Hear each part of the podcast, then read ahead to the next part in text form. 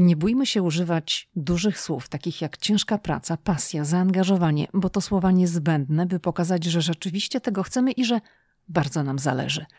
Daria Skwarzyńska, którą zaprosiłam do dzisiejszego odcinka, mówi to w odniesieniu do pisania listu motywacyjnego. Pobyt w Stanach nauczył moją rozmówczynię innego podejścia do prezentowania siebie. Daria skończyła biotechnologię na Politechnice Śląskiej w Gliwicach i dziś jest na trzecim roku studiów doktoranckich na programie neurobiologii i neurologii na Uniwersytecie Virginii, zgłębiając zagadnienia związane z napadami padaczkowymi i epilepsją. Zapraszam na 130 odcinek, w którym rozmawiamy o robieniu doktoratu i kariery naukowej w Stanach, o życiu naukowca, jak również o syndromie oszusta, czy Darię, która naprawdę ciężko pracowała, by być tam, gdzie jest dziś. Taki syndrom również dopada? Hej, tu Lidia Krawczuk, dziewczyna ze Szczecina, która wylądowała w Waszyngtonie. Ameryka mnie fascynuje, żyję w niej od ponad dekady i cały czas ją odkrywam. Podróż do Stanów Zjednoczonych była zawsze moim marzeniem. Nie sądziłam jednak, że w Ameryce kiedyś zamieszkam. Jeśli Ciebie, tak jak mnie, ciekawią Stany i chcesz wiedzieć o nich więcej, to jesteś we właściwym miejscu. Opowiadam tu o Ameryce, o życiu w Stanach i o tym wszystkim, co odkrywam podczas mojej amerykańskiej przygody. Zapraszam na podcast Ameryka i ja. Zaczynamy.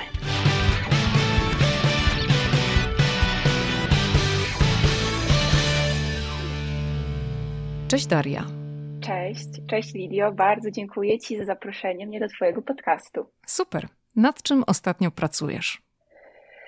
E, nad czym ja ostatnio pracuję? Ja jestem członkiem laboratorium, które zajmuje się badaniem napadów padaczkowych i epilepsji, więc można powiedzieć, że zajmuję się e, zrozumieniem, dlaczego niektórzy ludzie mają epilepsję i staramy się wyleczyć epilepsję. Staramy się znaleźć leki, które tę epilepsję mogą leczyć. A czy masz może czasem takie wrażenie, że im więcej zgłębiasz ten temat, im bardziej drążysz, to mniej wiesz?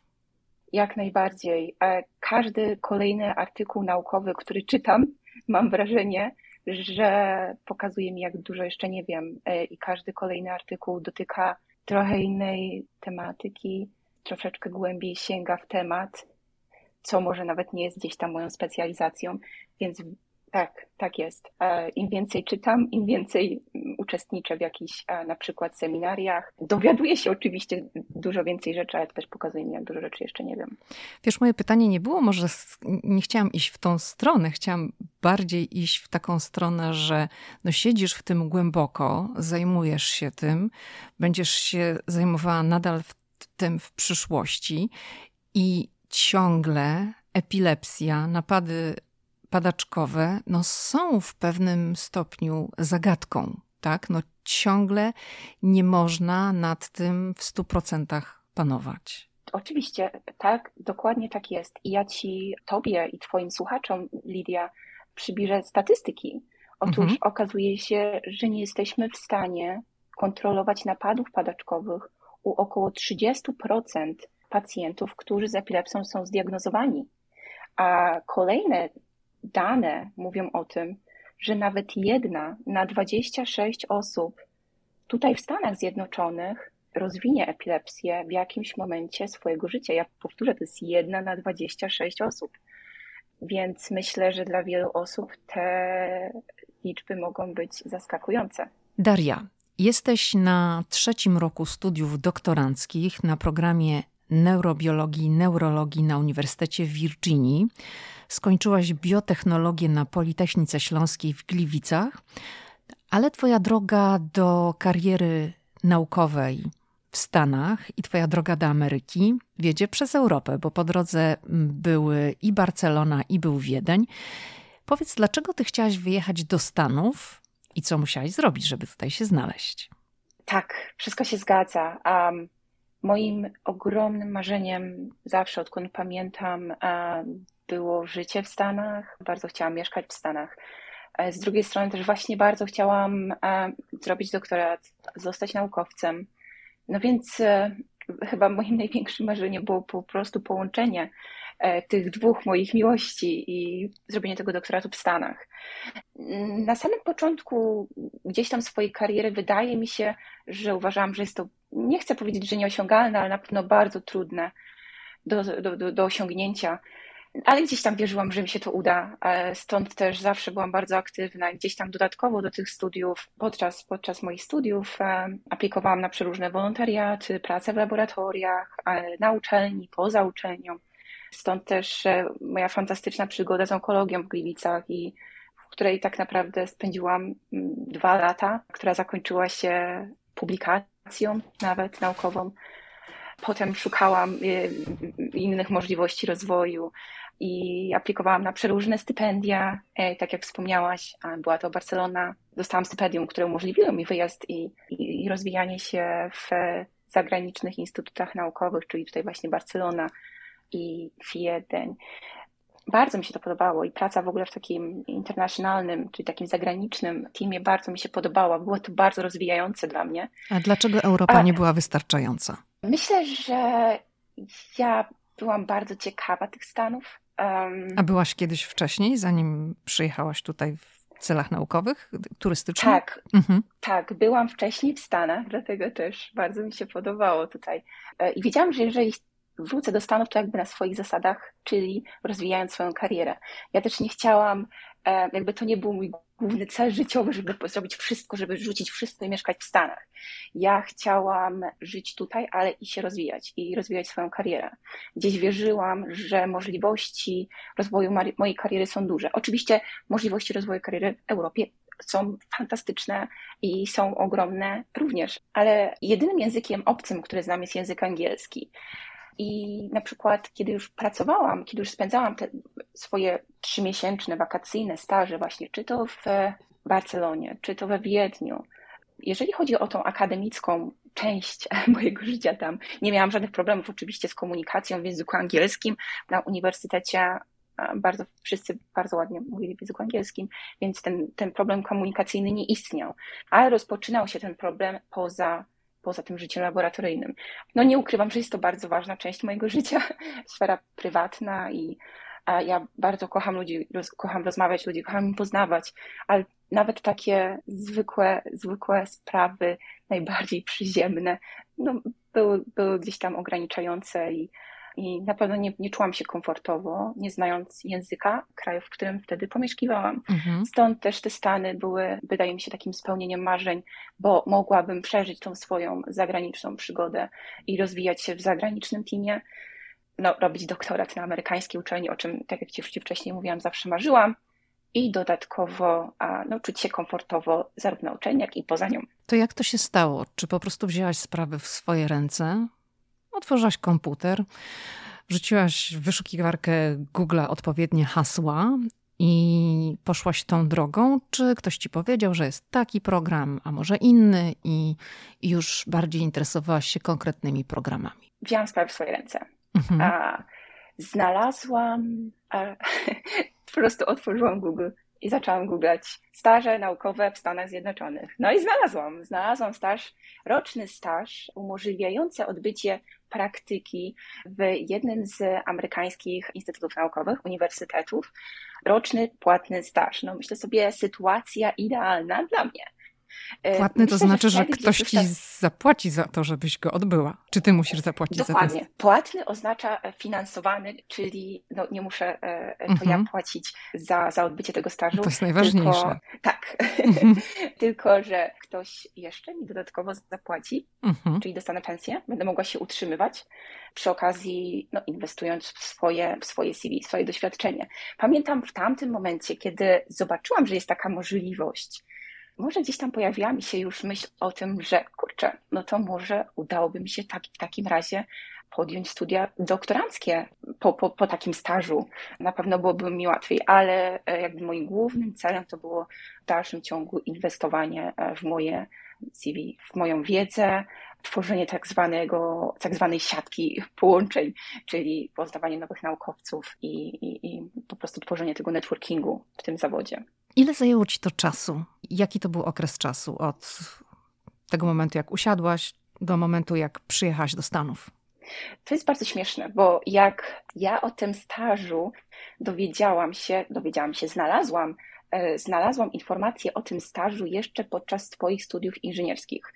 Myślę, że już była ta końcówka, mm, gdzieś tam kończyłam już te studia inżynierskie i ja nie uważałam, że jeszcze jestem gotowym kandydatem. Wiesz, Lidia, uważałam, że nie jestem wystarczająco dobrym kandydatem. Więc ja w głowie miałam gdzieś ten staż, ale starałam się inwestować jeszcze dodatkowo w siebie, żeby być atrakcyjnym kandydatem. I zrobiłam krok w tył i zaczęłam najpierw właśnie szukać czegoś lokalnie i czegoś, może już nawet nie lokalnie, bo już wtedy, bo już wtedy rozpoczęła się moja świetna przygoda z zespołem, świetnym zespołem badawczym w Instytucie Onkologii, ale dodatkowo zaczęłam szukać też zagranicznych stypendiów i właśnie moje wyjazdy, czy do Barcelony, czy do Wiednia.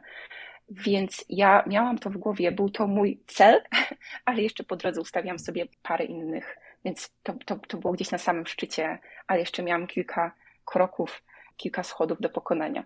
I kiedy zaaplikowałam, to no, bardzo wierzyłam, że się dostanę, bardzo wierzyłam w siebie, bardzo wierzyłam te swoje możliwości i, i cieszę się, że to zrobiłam. I cieszę się, że zrobiłam w tym, to w momencie, w którym uważam, że jestem gotowa na taki staż.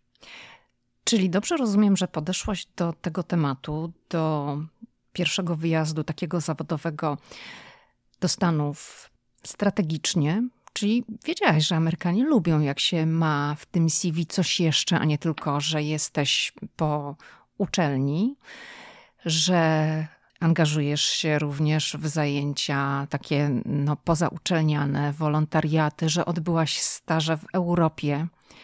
Czyli ty sobie to zaplanowałaś, to tak nie wyszło, tylko uznajesz, właśnie Amerykanie tak lubią, to trzeba tak zrobić. Dokładnie, dokładnie tak jak powiedziałaś. Ja sobie to troszeczkę wszystko zaplanowałam. ja wiedziałam, że studia, e, moje studia inżynierskie i moje studia magisterskie są ogromną, e, ogromnym plusem i, i, i, dzięki, i dzięki tym dyplomom będę na pewno bardzo atrakcyjnym kandydatem na takie studia doktoranckie, ale wiedziałam, że muszę zrobić więcej i żeby jeszcze bardziej się wyróżnić i żeby być jeszcze lepszym kandydatem.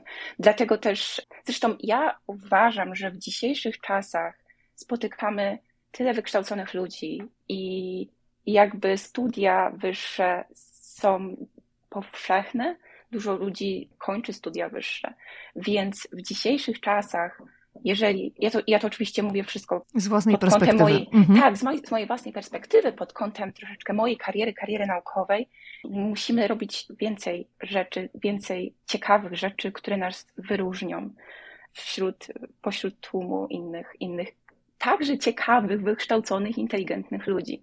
Dlatego też e, ja bardzo chciałam no, inwestować w siebie tak naprawdę i starałam się być dobrym uczniem, otrzymywać od dobre oceny, bo to też na dalszych etapach jest potrzebne i do dzisiaj muszę wypisywać, gdziekolwiek nie aplikuję, na, jakie, na jakieś konkursy, granty, zawsze muszę wypisywać moje oceny ze studiów inżynierskich i ze studiów magisterskich.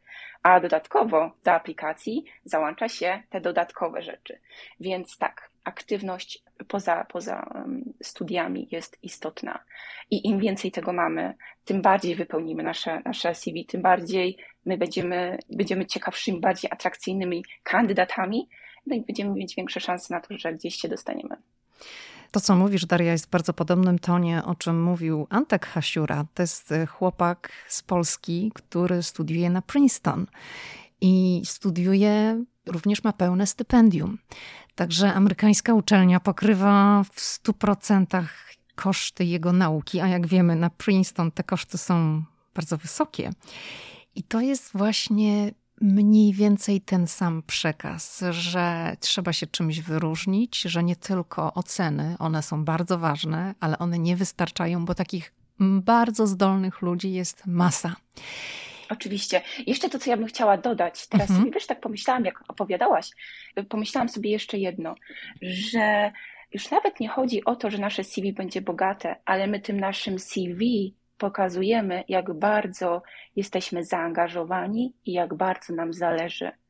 I jak bardzo brniemy do przodu i pokazujemy, że jest to nasze marzenie, tak? I że jesteśmy bardzo konsekwentni w realizowaniu tego marzenia. Z tego się robi bardzo ciekawa historia, bo aplikując na na przykład doktorat w Stanach Zjednoczonych, poza przedstawieniem suchych faktów o sobie, poza przedstawieniem swojego doświadczenia i dobrych ocen w szkole, musimy również napisać tak zwany personal statement. Musimy pokazać, dlaczego to my jesteśmy dobrymi kandydatami i ubrać te suche fakty w piękne słowa i stworzyć z tego historię. A co ty napisałaś? Ach, ja. tak, to ja napisałam, ja przedstawiłam swoją historię. Przedstawiłam mniej więcej tą historię, którą powiedziałam tobie, Lidio. Mhm. O tym, jak bardzo, wiesz, przedstawiłam to, jak bardzo konsekwentna w realizowaniu swojego celu byłam że gdzieś ustawiłam sobie ten doktorat w Stanach jako mój cel. Stworzyłam sobie gdzieś w głowie drogę do tego celu i go realizowałam. I w takich personal statement, właśnie w tych osobistych, takich listach opisujących nasze osobiste historie, nie powinniśmy się bać używać słów takich jak ciężka praca, e, takich słów jak pasja, zaangażowanie. To są właśnie takie słowa, które E, mocne słowa, ale niezbędne, żeby pokazać to, że um, my rzeczywiście tego chcemy i, no i na pewno wyróżnią nas gdzieś tam. Zresztą ja też mam wrażenie, że tutaj w Stanach inaczej się pisze takie listy, takie personal statement niż, niż, niż, niż w Europie.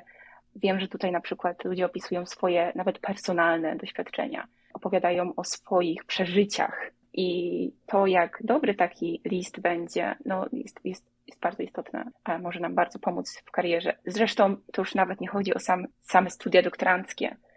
A ostatnio też składałam aplikację o grant do amerykańskiej agencji epileptycznej. To znowu, znowu powracając do ocen, znowu musiałam przedstawić moje oceny od studiów inżynierskich do tego momentu, wszystkie dodatkowe osiągnięcia, publikacje, staże, ten personal statement. Dlaczego to ja mam dostać tą nagrodę? Dlaczego to ja mam zostać wybrana spośród innych fantastycznych e, osób, które aplikują o tę nagrodę? A ty jesteś, Daria, już pięć lat w Stanach. Tak, to jest mój piąty rok, e, mhm. e, dokładnie. Czy ten twój pierwszy taki list motywacyjny, można to nazwać, używasz takiego określenia po angielsku personal statement? Myślę, że chyba w po polsku to jest ten list motywacyjny. Tak, dokładnie. Mhm. Tak mi się wydaje, że tu może określić jako list motywacyjny. No chyba, chyba tak to się, no to, to zostajemy przy tym określeniu. Czy teraz, jak piszesz właśnie taki wniosek o grant i załączasz list, o którym rozmawiamy, czy ten list wygląda już inaczej niż ten pierwszy, który napisałaś aplikując o staż, który otworzył ci drogę, jak mnie mam do doktoratu, bo najpierw był ten staż, a potem zaczęły się studia doktoranckie. Czy te listy się różnią w tej chwili? Oj, myślę, że tak. Myślę, że gdybym wróciła do tego mojego pierwszego listu i gdybym miała go napisać jeszcze raz, to bym go zmieniła. myślę, że zrobiłabym go jeszcze bardziej właśnie personalnym. Na pewno. Tak, listy się, się różnią. Myślę, że teraz nie boję się używać tych dużych słów, o których wcześniej których wcześniej się bałam używać i uważałam, że może nie wypada, może ktoś pomyśli, że jestem próżna, może ktoś pomyśli, że e, jestem zbyt pewna siebie. I teraz wiem, że to są też takie cechy charakteru, które mogą odróżnić nas od innych kandydatów. I, i, i, i znowu, i to tylko pokazuje, jak bardzo zaangażowani jesteśmy w dany temat i jak bardzo nam zależy więc myślę, że tak, no, ten, ten mój pierwszy list był um, taki suchy. Mhm. Zadaję Ci to pytanie nie bez powodu, dlatego że mój podcast bywa bardzo inspirujący dla osób, które gdzieś tam sobie myślą, to może ja też. I gdybyś miała udzielić tutaj takiej małej rady, jak napisać taki list motywacyjny, jeżeli chce się gdzieś tam starać o jakieś stypendium, o jakiś staż w Stanach, to jak napisać ten list?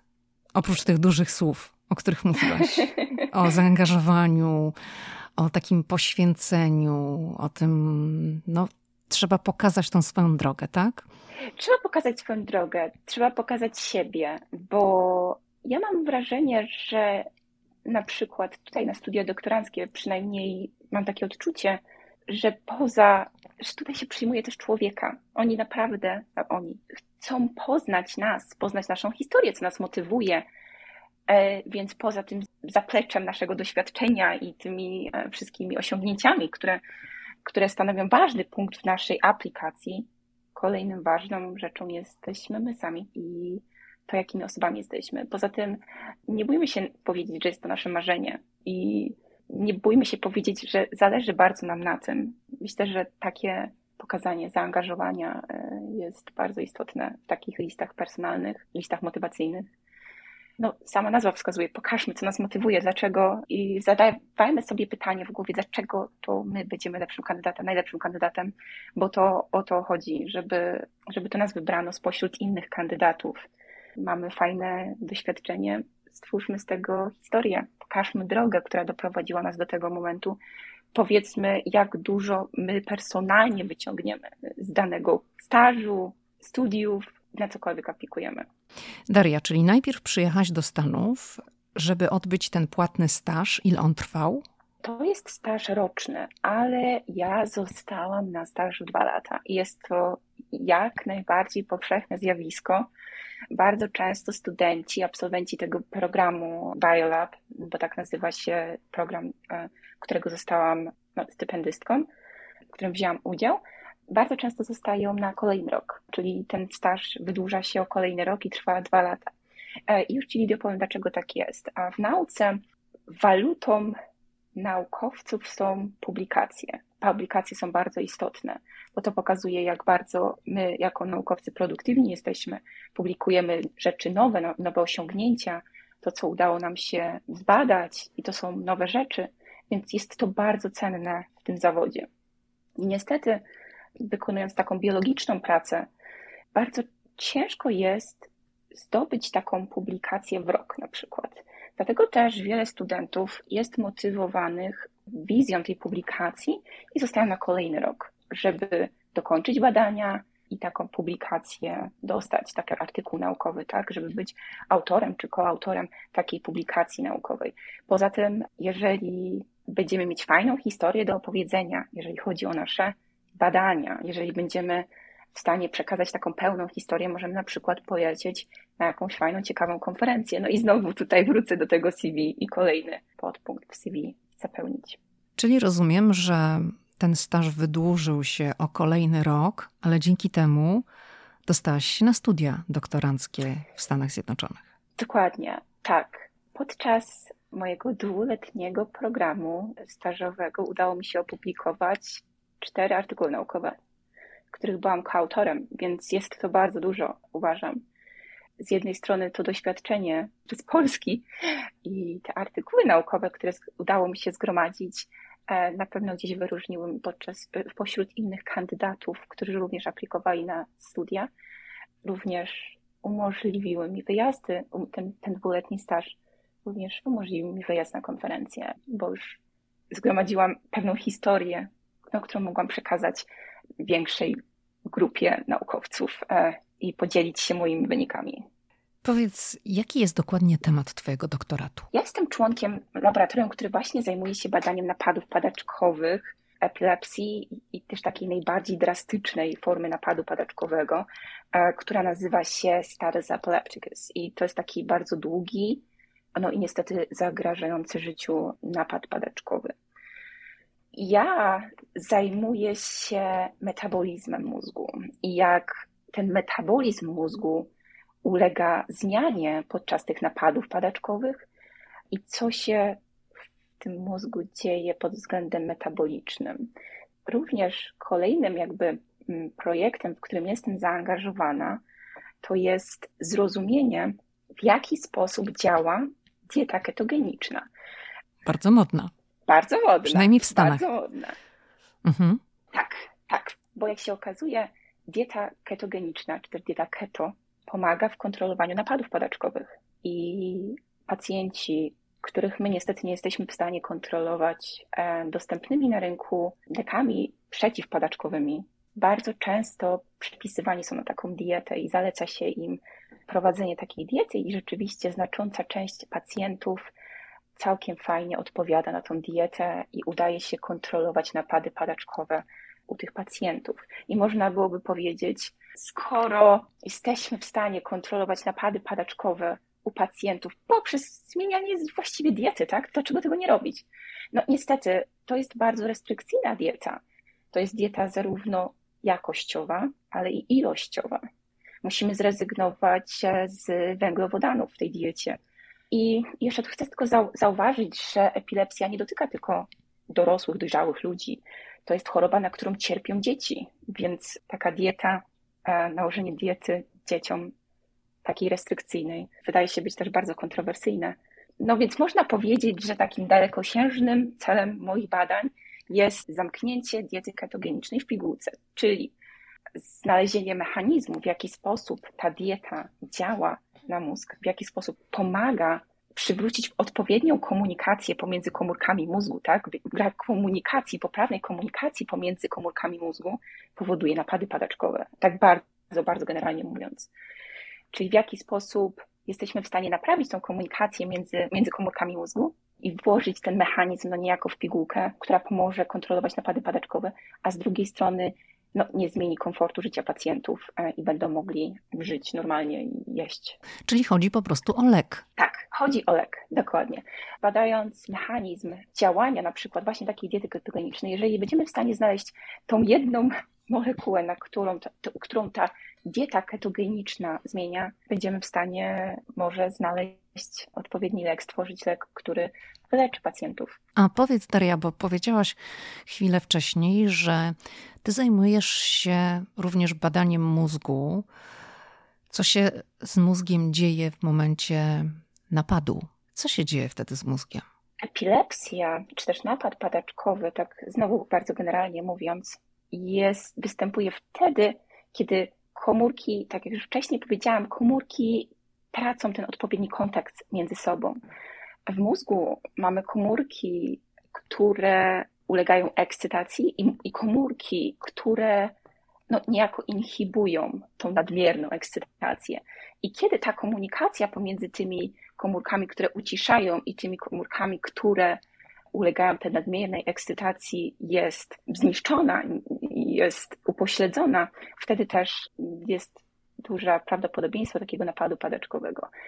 E, no i konsekwencjami takich napadów padaczkowych jest na przykład śmierć tych komórek, która może prowadzić do dysfunkcji, czy też do takich problemów kognitywnych, pamięciowych, tak?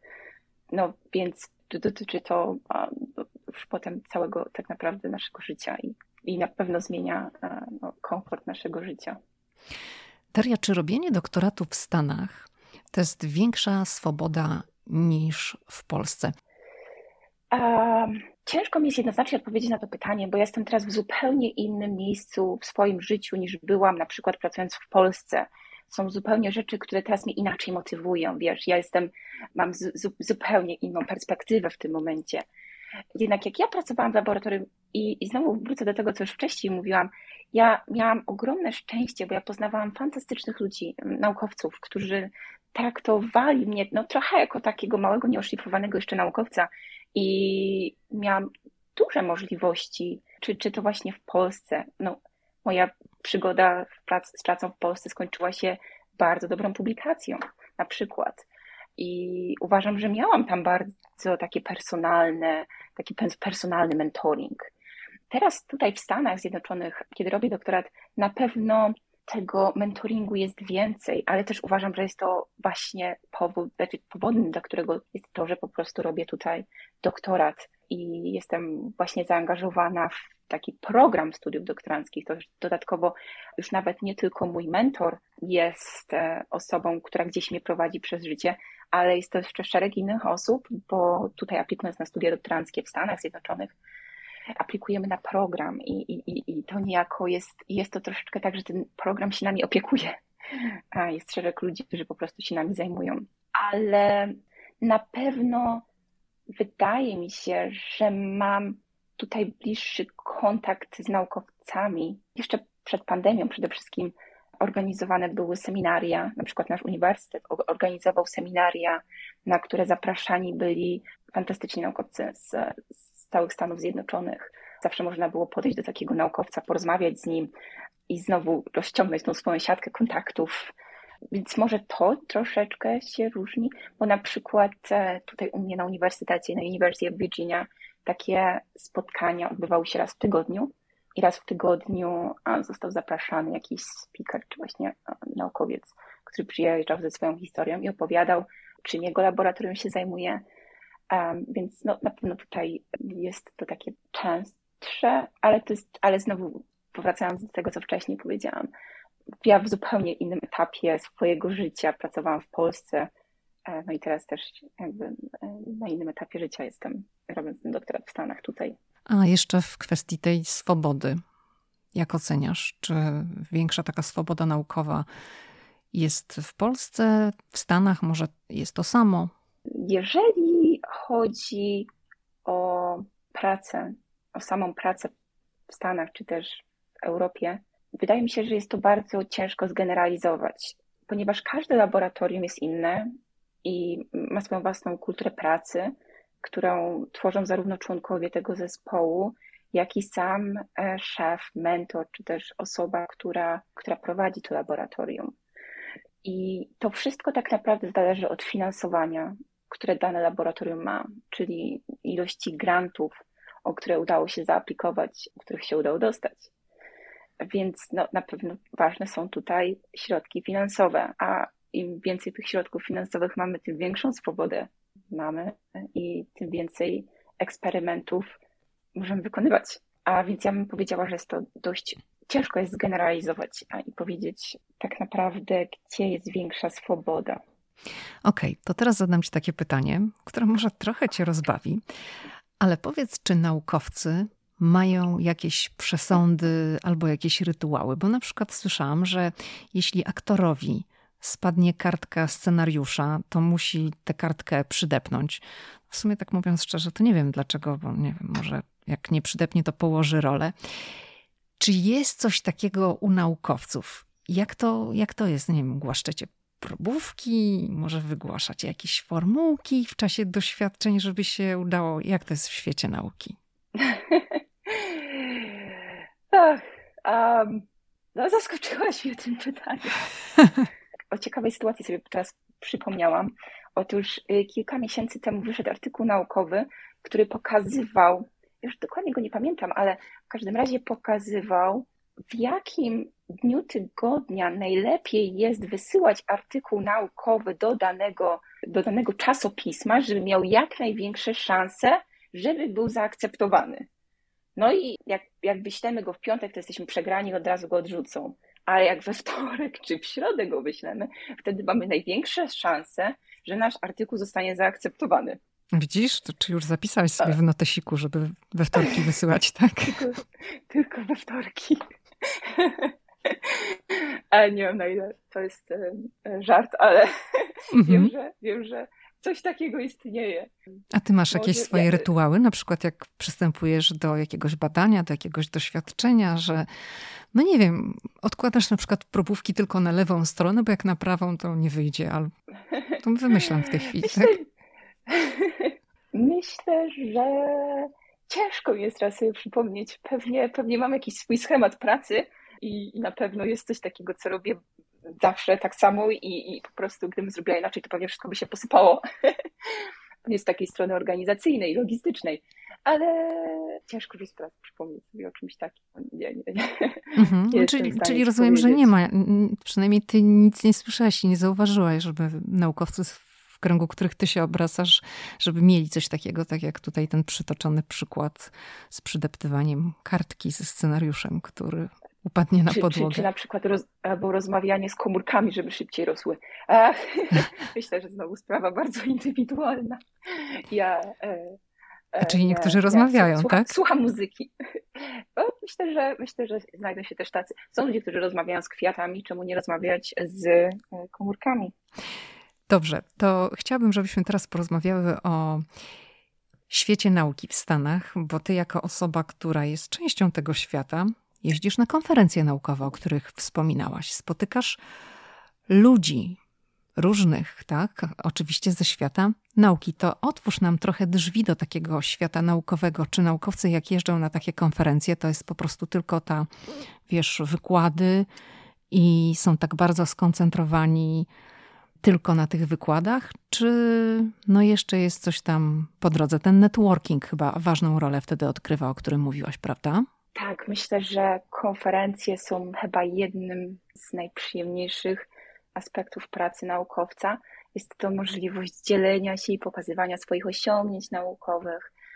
Dlatego ja z wielką przyjemnością, jeżeli tylko mam taką możliwość, to uczestniczę w konferencjach naukowych.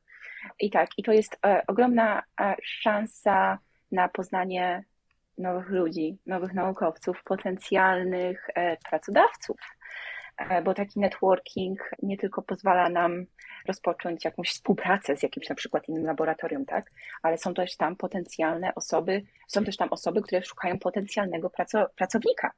Więc e, poprzez taką wizytę, prezentację na takiej konferencji można znaleźć, można zapewnić sobie kolejny etap w swojej karierze, czyli na przykład właśnie taką pozycję po obraniu doktoratu, która się nazywa postdokiem.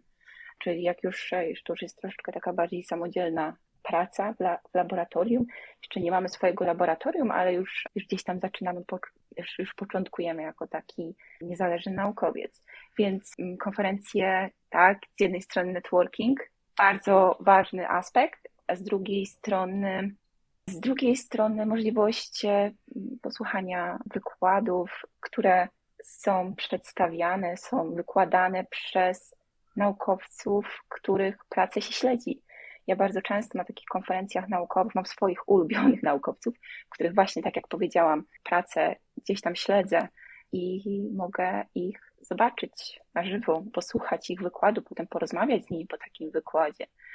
Bo oczywiście konferencje naukowe są różne, są takie lokalne, one są troszeczkę mniejsze, no troszeczkę, dużo mniejsze, trwają krócej, mogą to być dwudniowe konferencje na przykład, albo takie jednodniowe sympozja, ale są też takie giganty, takie największe konferencje naukowe na świecie i na takie konferencje przyjeżdża nawet 30 tysięcy naukowców z całego świata. I to, jest, to są konferencje, które trwają 7 dni, 5 dni. Więc jest to po prostu całe wydarzenie, do którego człowiek się przygotowuje. Gdzie ich pomieścić w ogóle? 30 tysięcy? Gdzie ich? W ciągu Lidio są w Stanach trzy takie miejsca, trzy takie budynki, które są w stanie pomieścić właśnie takie największe konferencje. I ta największa konferencja neurobiologiczna, do której się ciągle odnoszę, właśnie ma miejsce albo w Waszyngtonie, albo w Chicago. Ale w Waszyngtonie, w Washington DC, mówimy o Waszyngtonie, nie w stanie Washington. Tak, tak, mhm. tak, tak. Washington DC, czyli w DC, w Chicago i jeszcze San Diego. I to są takie, i ta konferencja tak rotuje pomiędzy tymi trzema miejscami, bo rzeczywiście tam można pomieścić tyle osób. A to jest jakaś hala widowiskowa? To jest cały budynek. Ja po raz pierwszy na tę największą konferencję neurobiologiczną poleciałam, pamiętam to było w San Diego, poleciałam jeszcze z programu BioLab, jeszcze jako, jako uczestniczka tego stażowego programu. I ja byłam bardzo podekscytowana. W ogóle te konferencje one mają swoje aplikacje osobne, gdzie można dodawać sobie na przykład do kalendarza jakieś e, wykłady, którymi jesteśmy zainteresowani, czy też e, jakieś wydarzenia, już nawet nie tylko wykłady, ale wydarzenia, jakieś takie możliwości spotykania się w mniejszych grupach, dyskutowania o czymś mniejszym. I ja byłam zagubiona. ja pamiętam, że mi było ciężko się odnaleźć. Oczywiście ja się przygotowałam do tej konferencji, ja sobie zrobiłam listę wykładów, które chcę odwiedzić. Ja pamiętam, że nie byłam w stanie zdążyć dojść z jednej sali do drugiej, bo po prostu ta, ta, te, te sale, te centra konferencyjne są tak ogromne, że zajmowało mi to tyle czasu w ogóle odnalezienie się tam, że ja tam większość tak naprawdę tej konferencji tu przegapiłam czy gdzieś spędziłam na korytarzu szukając sal, niż rzeczywiście udało mi się, udało mi się dotrzeć. No teraz oczywiście jest zupełnie inaczej, teraz już, już wiem, czym to się je. To była moja pierwsza konferencja i byłam taka zagubiona, ale jest to naprawdę wydarzenie, które ciężko jest opisać. I jeszcze szczególnie, jeszcze szczególnie jeżeli ma się swoich takich ulubionych naukowców, może takich naukowców nawet, o których się marzy, żeby kiedyś gdzieś tam pracować z nimi, współpracować, też pracować w ich laboratorium, tak? E, możliwość zobaczenia ich, usłyszenia wykładu na żywo, czy też po prostu porozmawiania z nimi. No niestety pandemia troszeczkę popsuła tutaj te, ten cały, to całe doświadczenie, ten cały experience, który wynikał z konferencji, bo przez e, dwa lata większość konferencji jednak odbywała się online. Teraz powoli wraca się taką, tworzy się taką hybrydową formę, to znaczy jest trochę online, jest trochę takich in-person spotkań. No ja na przykład dwa miesiące temu byłam na konferencji w Chicago, która była organizowana przez amerykańską agencję epileptyczną i to była konferencja, którą można było, można było odbyć osobiście i można było podłączyć się online. Ja oczywiście wybrałam opcję e, e, osobistą i, i też tam prezentowałam swoje wyniki i, a to jest akurat konferencja, która trwała chyba 5 dni. A czy były na tych konferencjach jakieś takie wyjątkowe momenty?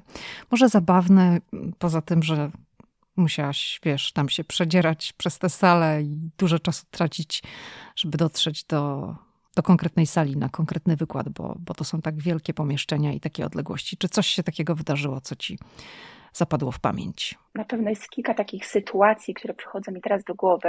Pamiętam, jak spacerowałam sobie pomiędzy posterami. To jest taka inna forma prezentacji wyników mm, badawczych, poza taką prezentacją, kiedy przy, przy, przygotowujemy tego mm, PowerPointa, tak, i mamy swoje slajdy i prezentujemy, mamy taką prezentację na podium, to jeszcze inną formą prezentacji jest prezentowanie tak zwanego plakatu, gdzie na, na, na plakacie dosłownie wypisujemy, oczywiście wypisujemy, wszystko oczywiście robimy komputerowo, potem takie postery się drukuje i zamieszczamy tam, co nam się udało osiągnąć, jakimi metodami to osiągnęliśmy, jakie są nasze dalsze plany, więc taką prezentację wkładamy właśnie w ten poster. I przemieszczałam się pomiędzy tymi posterami, oglądając sobie pracę innych naukowców i spotkałam noblistę. Przemieszczał się tak samo, tak jak i ja, przechodził tam noblista Eric Campbell. Pan Eric w 2000 roku dostał Nagrodę Nobla. Ja od razu go rozpoznałam, dlatego że. Ale to powiedz nam, w jakiej dziedzinie i za co, no bo wiesz, ty jesteś w tym świecie, my niekoniecznie. Tak, pan Eric dostał Nagrodę Nobla w dziedzinie studiował, całą swoją karierę poświęcił studiowaniu pamięci i jakby jak nasz mózg jest w stanie zapamiętać tak wiele elementów życia naszego i innych faktów, więc on całą swoją karierę jakby poświęcił pamięci, badania mechanizmów pamięci. I pan Erik stworzył książkę neurobiologii, Biblię neurobiologii, no, którą ja jako student neurobiologii czytałam. Więc jak tylko zobaczyłam pana Erika, podbiegłam od razu do niego, powiedziałam mu o tym, że jestem ogromną fanką pracy, jego pracy i że jego książkę czytałam. Na koniec jeszcze tak szybko się zapytałam, czy mogę sobie zrobić z panem selfie. Był tak przemiły i porozmawialiśmy chwileczkę, zrobiliśmy sobie selfie. Dodatkowo pan Erik jest, nosi takie kolorowe muszki, więc to był drugi taki element bardzo charakterystyczny. No, wpisuje się idealnie w taki, wiesz, wizerunek naukowca. Tak, tak, tak. Dokładnie, dokładnie. myślę, że jeszcze kolejną sytuacją, która też mi gdzieś przychodzi do głowy, to nie była konferencja, to było takie sympozjum, na którym wygłaszałam swoją prezentację. Wtedy zajmowałam się studiowaniem dziecięcej epilepsji i odkrywaniem jakby rejonów mózgu, które zaangażowane są w napady padaczkowe. I prezentowałam swoje badania po prezentacji podszedł do mnie pan, którego ja wcześniej nie znałam i powiedział mi, że jego dziecko choruje na epilepsję i ma epilepsję. I to był chyba taki jeden z bardziej wzruszających momentów w mojej karierze naukowej, bo pan bardzo wzruszony i powiedział mi, że bardzo mi dziękuję za świetną pracę, którą wykonuję i że ta praca jest bardzo potrzebna. I to są takie momenty, tej naukowej karierze, o których trzeba pamiętać. I ja zawsze staram się takie sytuacje trzymać gdzieś bardzo blisko, żeby w jakichś momentach zwątpienia, czy w takich cięższych momentach pracy, żeby wyciągnąć je szybko i wiedzieć, dlaczego to robimy i, i żeby ta motywacja do pracy wróciła. I na pewno był to jeden z przyjemniejszych momentów w mojej karierze. A powiedz, czy czułaś kiedykolwiek, że masz gorzej, dlatego że jesteś obcokrajowcem? Myślę, że e, myślę, że skłamałabym, gdybym powiedziała, że nie. Mhm. A są e, teraz już na pewno mniej mam takich sytuacji, ale myślę, że na początku mm, miewałam momenty, w których e, gdzieś tam może czułam się gorzej, było mi ciężej. Z czego to wynikało? Dał ci ktoś odczuć, czy po prostu no w pewnych może sytuacjach czułaś się wyobcowana, oderwana, że nie wychowywałaś się w Stanach, że twoja edukacja była w Polsce i na pewnym etapie przeszłaś na tą edukację amerykańską, tak? Ale, ale jednak ta baza to jest Polska. To jest w ogóle bardzo ciekawe, bo ja nigdy nie, nie dostałam takiej bezpośredniej informacji od nikogo, takiego komunikatu, że wiesz, że jestem gorsza, czy że właśnie, nie wiem, nie przynależę tutaj. Nigdy w życiu nic takiego tutaj nie spotkało, wręcz przeciwnie. Raczej, raczej spotykałam się z komplementami ze, ze strony innych osób i raczej takim może podziwem gdzieś z jednej strony, z takim zainteresowaniem mojej osoby. Ja nigdy, nie, nie, ja nigdy od nikogo nie, nie, nie usłyszałam czegoś negatywnego, ale ja gdzieś tam w sobie myślę, że zbierałam takie negatywne rzeczy i takie ne negatywne myśli. Jest taki bardzo, jest taki syndrom, on się nazywa imposter syndrom, kiedy myślisz, że nie, powinien, nie powinno ci tutaj być, że nie przynależysz do tego momentu, że nie przynależysz do tego miejsca i w ogóle jesteś beznadziejny i nie powinieneś tutaj być. No i myślę, że i syndrom no, oszusta. Dokładnie. Mhm. Bo to jest nieprawda, wiesz. No jeżeli ty tutaj jesteś, to widocznie spełniłaś kryteria, jakieś tam wpisałaś się w jakieś ramki, więc oznacza to, że jesteś wystarczającym dobrym kandydatem na to, żeby tutaj być. No a ten oszust bardzo często się wkrada w nasze życie i mówi nam, że mm, no nie powinniśmy tutaj być i coś jest nie tak. Wtedy człowiek tak drąży, się zastanawia, co z nim jest nie tak. Ja miałam na pewno takie sytuacje, w moim życiu, szczególnie kiedy zaczynałam tą swoją karierę w Stanach Zjednoczonych, miałam takie momenty, w których zastanawiałam się właściwie, co ja tutaj robię. I myślę, że też fakt, że ja jestem jedynym międzynarodowym studentem w mojej grupie studiów doktoranckich z neurobiologii też nie pomaga, bo jednak są to sami Amerykanie i ja jestem jedyną, nie jestem obywatelem Stanów Zjednoczonych. I myślę, że na początku to też było ciężkie, ale, no ale to są takie sytuacje, które też kształtują potem osobowość i, i człowiek na pewno staje się silniejszy. A nie czujesz, że właśnie może właśnie dlatego, że jesteś jedyną i są sami Amerykanie, świadczy o tym, jak bardzo dobra jesteś w tym, co robisz. No tak, ale wtedy wiesz, przychodzi ten oszust i mówi, ale ty masz akcent. A co to ma do rzeczy? To właśnie, nie, no teraz, teraz to już wiesz, ja jestem dużo mądrzejsza. Ja mhm. wiem, teraz, teraz się tym och, zupełnie nie przejmuję, ale na początku myślę, że to gdzieś się działo we mnie i może myślałam, pomyślałam coś dwa razy, zanim coś powiedziałam, wiesz, i już, zresztą ja też mam trochę takie wrażenie, że tutaj w Stanach studia prowadzone są troszeczkę inaczej niż w Polsce, tutaj student po skończeniu tych undergradzkich studiów, ja bym to porównała do tych naszych licencjackich, inżynierskich studiów, tutaj ci studenci są świetnie przygotowani do dyskusji, do prezentacji. U nas tych dyskusji i prezentacji jest mniej na studiach, przynajmniej ja miałam takie wrażenie i tak było na moim kierunku jeszcze jak ja studiowałam. Może teraz się coś zmieniło, ale jak e, ja studiowałam, to, to było raczej nastawione na wykłady, takie monologi, tego było dużo. Mieliśmy oczywiście pracę w grupach, mieliśmy jakieś prezentacje, ale tutaj w Stanach tego jest dużo więcej i to jest bardzo ważna umiejętność, którą powinniśmy ćwiczyć, którą powinniśmy praktykować. Wiesz, I... ja, bym, ja bym powiedziała, że to w ogóle rozwija się w Stanach od samego początku, bo to nie jest tylko kwestia, której, wiesz, młodzi ludzie uczą się na studiach, Mój syn, jak poszedł do swego pierwszego przedszkola, to miał dwa lata i już w wieku trzech lat oni mieli pierwsze prezentacje polegające na tym, że dzieci miały przynieść swoją ulubioną zabawkę z domu i opowiedzieć w przedszkolu innym dzieciom o tej swojej zabawce. Wiesz, no to oczywiście to jest poziom dostosowany do 3 czy 4 latków, ale już na tym etapie te dzieci uczą się, że trzeba wyjść i o tym powiedzieć innym, pokazać to.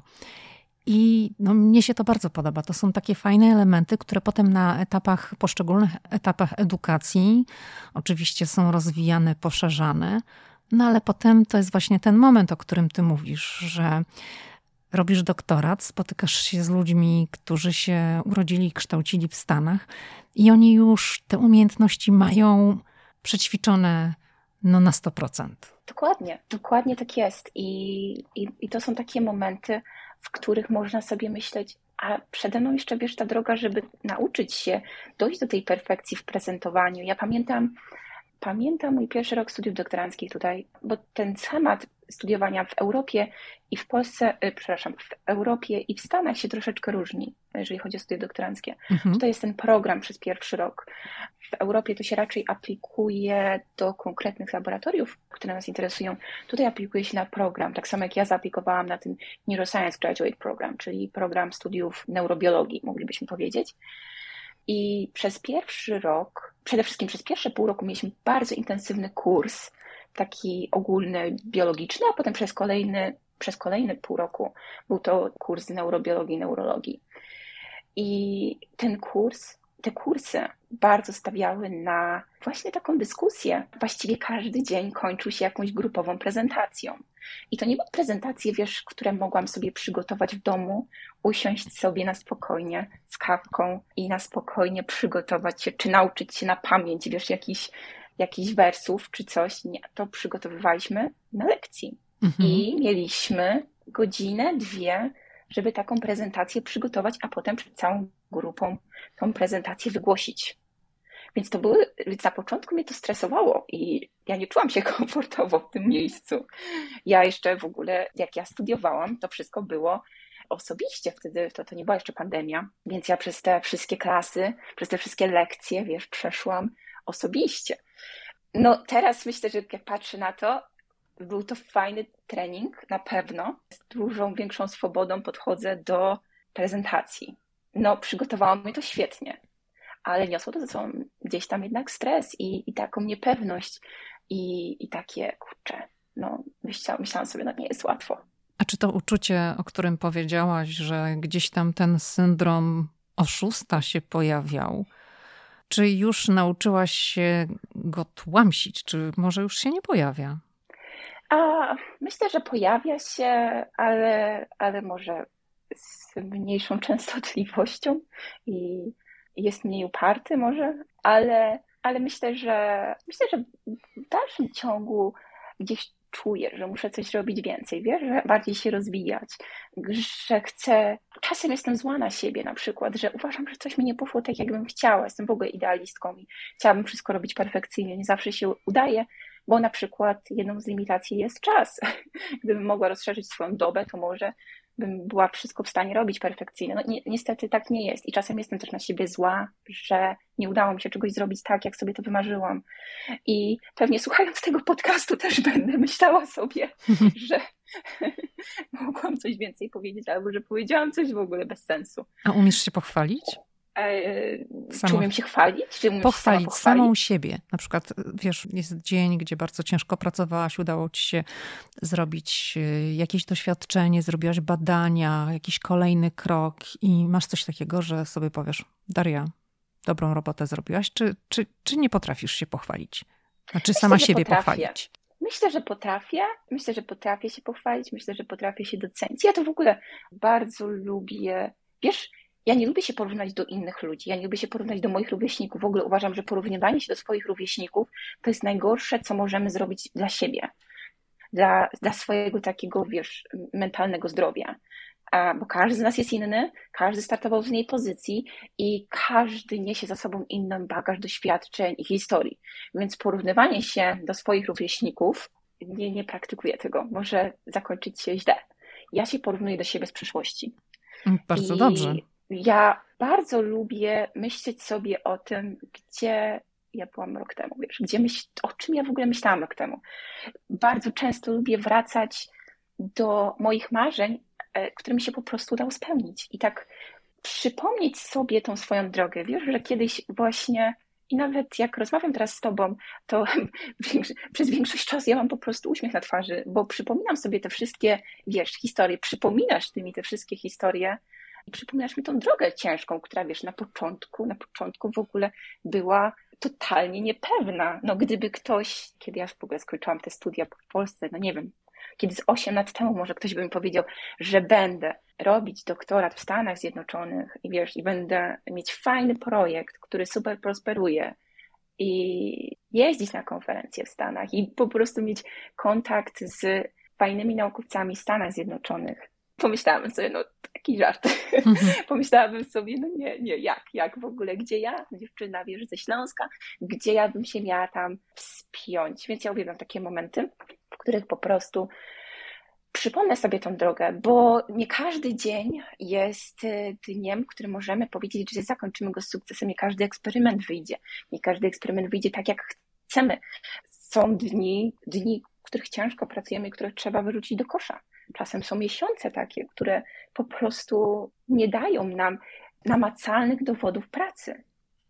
I dlatego trzeba, trzeba nosić.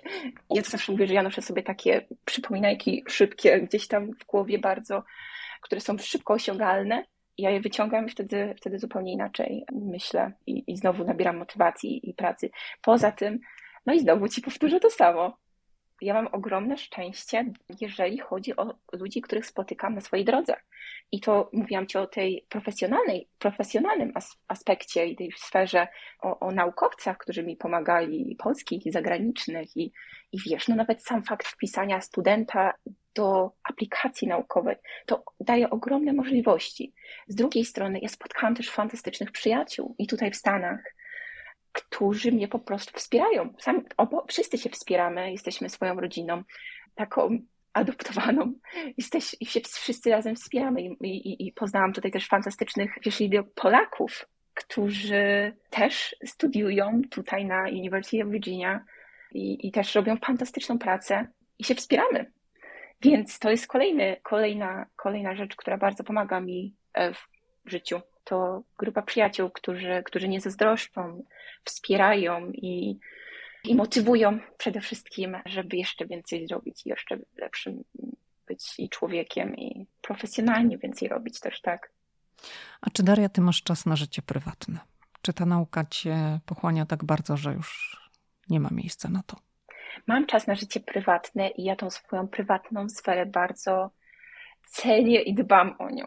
Pracuję dużo, pracuję ciężko, bo no, uważam jednak, że jest to istotne, jest to istotny element mojego życia, moja praca i bardzo dużo czasu poświęcam i czasu i energii poświęcam na swoją pracę. Ale z drugiej strony ja kocham podróżować i staram się łączyć ze sobą te dwa aspekty mojego życia, życie prywatne i zawodowe. I wydaje mi się, że całkiem sprawnie mi to wychodzi. Stany, poza tym, że są, ja uważam osobiście, całkiem fajnym miejscem do życia, to są jeszcze fajnym miejscem wypadowym, więc e, taką bazą wypadową, no już oczywiście same podróże po Stanach, już też troszeczkę pozwiedzałam tutaj Stanów, ale jeszcze inne destynacje też są bardziej osiągalne ze Stanów. Oczywiście są inne, które są bardziej osiągalne z Europy. No ale mhm. na to jeszcze przyjdzie czas dla mnie, mam nadzieję. A na razie też skupiam się na tych destynacjach właśnie, które mogę tutaj osiągnąć bliżej.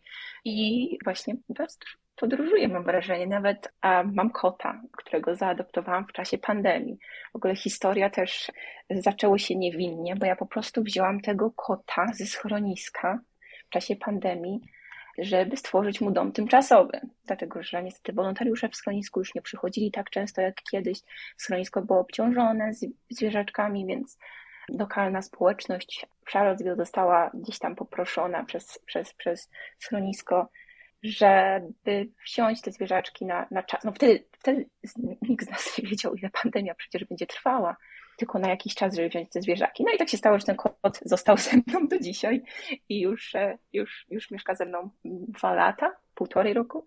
I to jest kot podróżnik, bo razem z moim chłopakiem bierzemy go na Florydę, pakujemy go do samochodu i jedziemy i na przykład spędzamy tydzień na Florydzie, gdzie oboje pracujemy, robimy coś tam online, a piszę, piszę artykuły naukowe, po czym wracamy i pracujemy tutaj. Więc staram się nawet tak godzić tą pracę, żeby. Twój chłopak e, też jest naukowcem? Nie, mój chłopak jest informatykiem.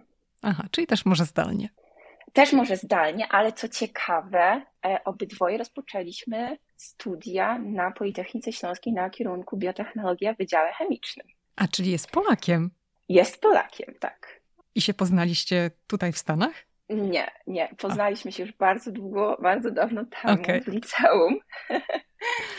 I Obydwoje wzięliśmy udział w programie Biolab, oboje zaaplikowaliśmy, udało nam się dostać, udało nam się dostać do tego samego uniwersytetu i mój chłopak znalazł tutaj pracę, a ja podjęłam studia doktorskie. Czyli o wiele łatwiej wam po prostu razem przejść przez życie i te wszystkie amerykańskie przeszkody pokonywać razem. Oczywiście, tak, tak. Mhm. Ja czuję się w ogóle w takim w tym momencie taka uprzywilejowana, bo nie dość, że mogę spełniać się i, i, i zawodowo i spełniać te swoje marzenia o robieniu doktoratu, to jeszcze mam ogromne wsparcie tutaj ze strony właśnie mojego chłopaka, przyjaciół, którzy są naokoło, więc um, jest na pewno dużo łatwiej mi z tym wszystkim. Już na pewno osobie, która zostałaby tutaj tak sama wrzucona i musiałaby sama sobie ze wszystkim radzić. Daria, to tak na koniec zapytam, jakie są Twoje plany? Rozumiem, że docelowo wybierzesz chyba życie w Stanach, prawda? No bo przyjechałaś tutaj za karierą, a kariera to jest przecież wielka część życia na tym etapie. Więc Stany, tak? A, myślę, że tak. I to z kilku powodów. Przede wszystkim uważam, że przez tą siatkę kontaktów, którą sobie tutaj tworzę, byłoby mi może łatwiej rozpocząć taką niezależną karierę. Miałabym ogromne wsparcie od, e, od, od takich moich mentorów, które gdzieś tutaj na drodze swojej spotykam. Więc to by mi na pewno bardzo pomogło. I jeszcze tak czuję, że nie wycisnęłam chyba 100% z tych stanów, więc na pewno fajnie byłoby tu zostać i dostać się na kolejny już etap do jakiegoś fajnego, topowego uniwersytetu w Stanach Zjednoczonych. Może kiedyś powrócić do Europy, ale, ale nad tym się jeszcze tak dokładnie nie zastanawiałam, ale na pewno kolejny etap swojej pracy, etap swojej kariery no, chciałabym zakończyć, znaczy podjąć tutaj w Stanach Zjednoczonych. Daria Skwarzyńska była gościem podcastu Ameryka i ja. Bardzo dziękuję Ci za rozmowę. Bardzo dziękuję. I to tyle w odcinku. Przypominam, że premierowe odcinki podcastu Ameryka i ja pojawiają się zawsze we wtorki.